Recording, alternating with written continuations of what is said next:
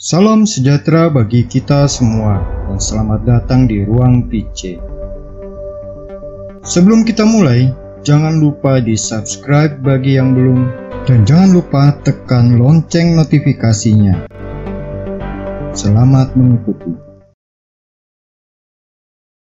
Katekismus Gereja Katolik 1324 Ekaristi adalah sumber dan puncak seluruh hidup Kristiani sakramen-sakramen lainnya, begitu pula semua pelayanan gerejani serta karya kerasulan berhubungan erat dengan Ekaristi suci dan terarahkan kepadanya.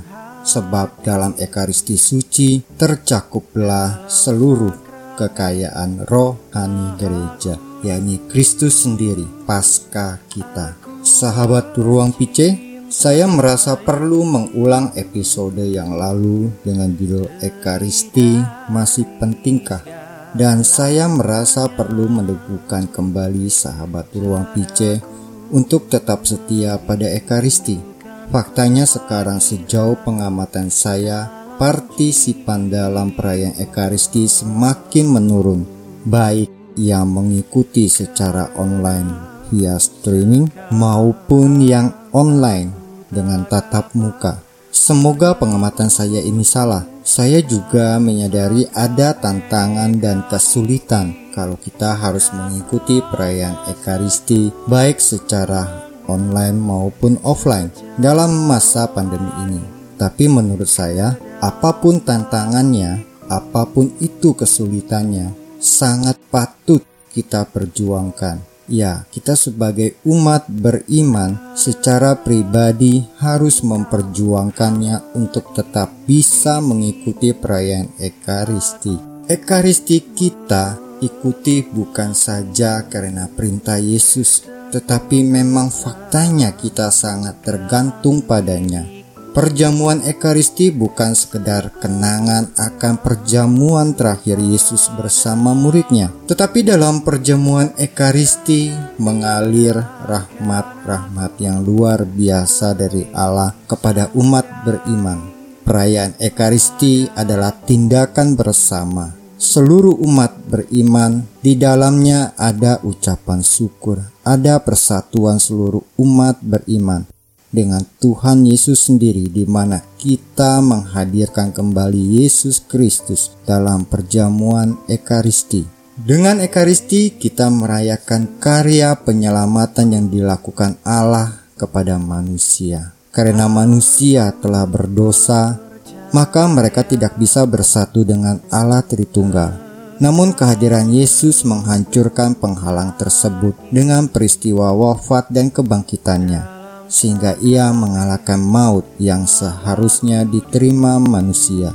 Nah, dengan perayaan Ekaristi, umat beriman bersama-sama mengenang peristiwa penebusannya dan bersatu dalam tubuh dan darahnya. Tuhan Yesus disalib satu kali untuk selamanya, maka Ekaristi bertujuan supaya kita selalu mengenangkan akan korban Yesus dan dengan merayakannya kita diharapkan memperoleh buah-buah penebusan dosa, yaitu keselamatan.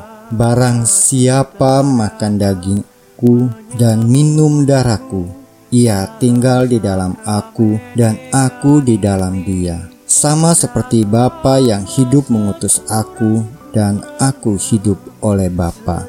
Demikian juga barang siapa yang memakan aku akan hidup oleh aku. Persatuan kita dengan Kristus adalah nyata dalam perayaan Ekaristi, sebab Kristus sendiri yang hadir dan memimpin dalam perayaan Ekaristi.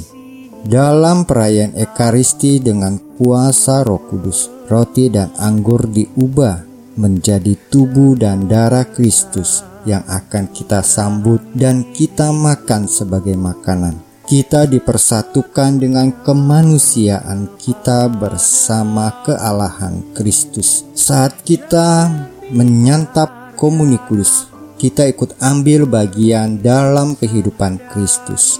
Tinggallah di dalam aku dan aku di dalam kamu, sama seperti ranting tidak dapat berbuah dari dirinya sendiri.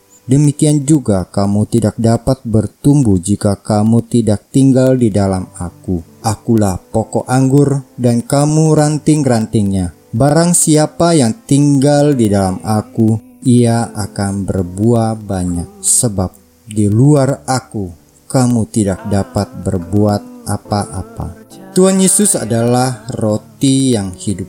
Dengan makan roti hidup, sama dengan tinggal di dalam Yesus Kristus. Kalau kita tinggal di dalam Yesus, maka Tuhan Yesus akan selalu menjadi sumber rahmat bagi kita yang akan membuahkan karya-karya di kehidupan ini, wujud kesatuan dengan jemaat dan membentuk satu tubuh dalam Kristus. Sahabat Ruang PC, semoga apa yang telah saya berikan ini membantu sahabat semua untuk kembali merindukan Ekaristi. Bagi yang rindu, mari kita datang dan bersatu dengan Tuhan dalam perjamuan Ekaristi Kudus.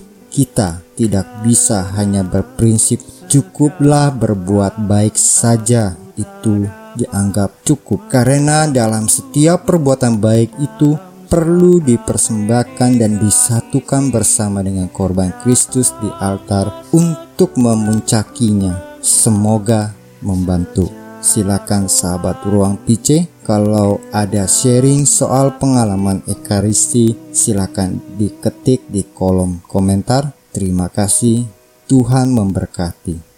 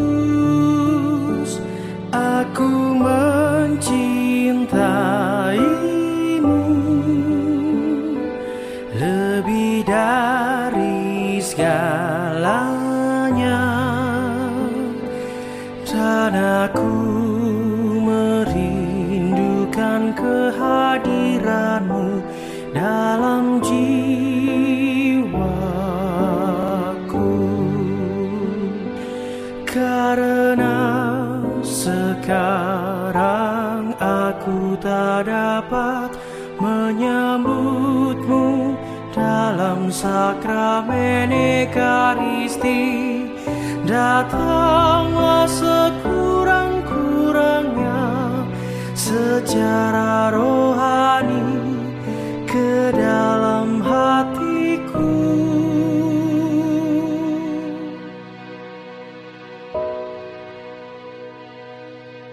Karena engkau hadir di sini aku memelukmu dan mempersatukan diriku. Sepenuhnya kepadamu. Jangan biarkan aku terpisah dari padamu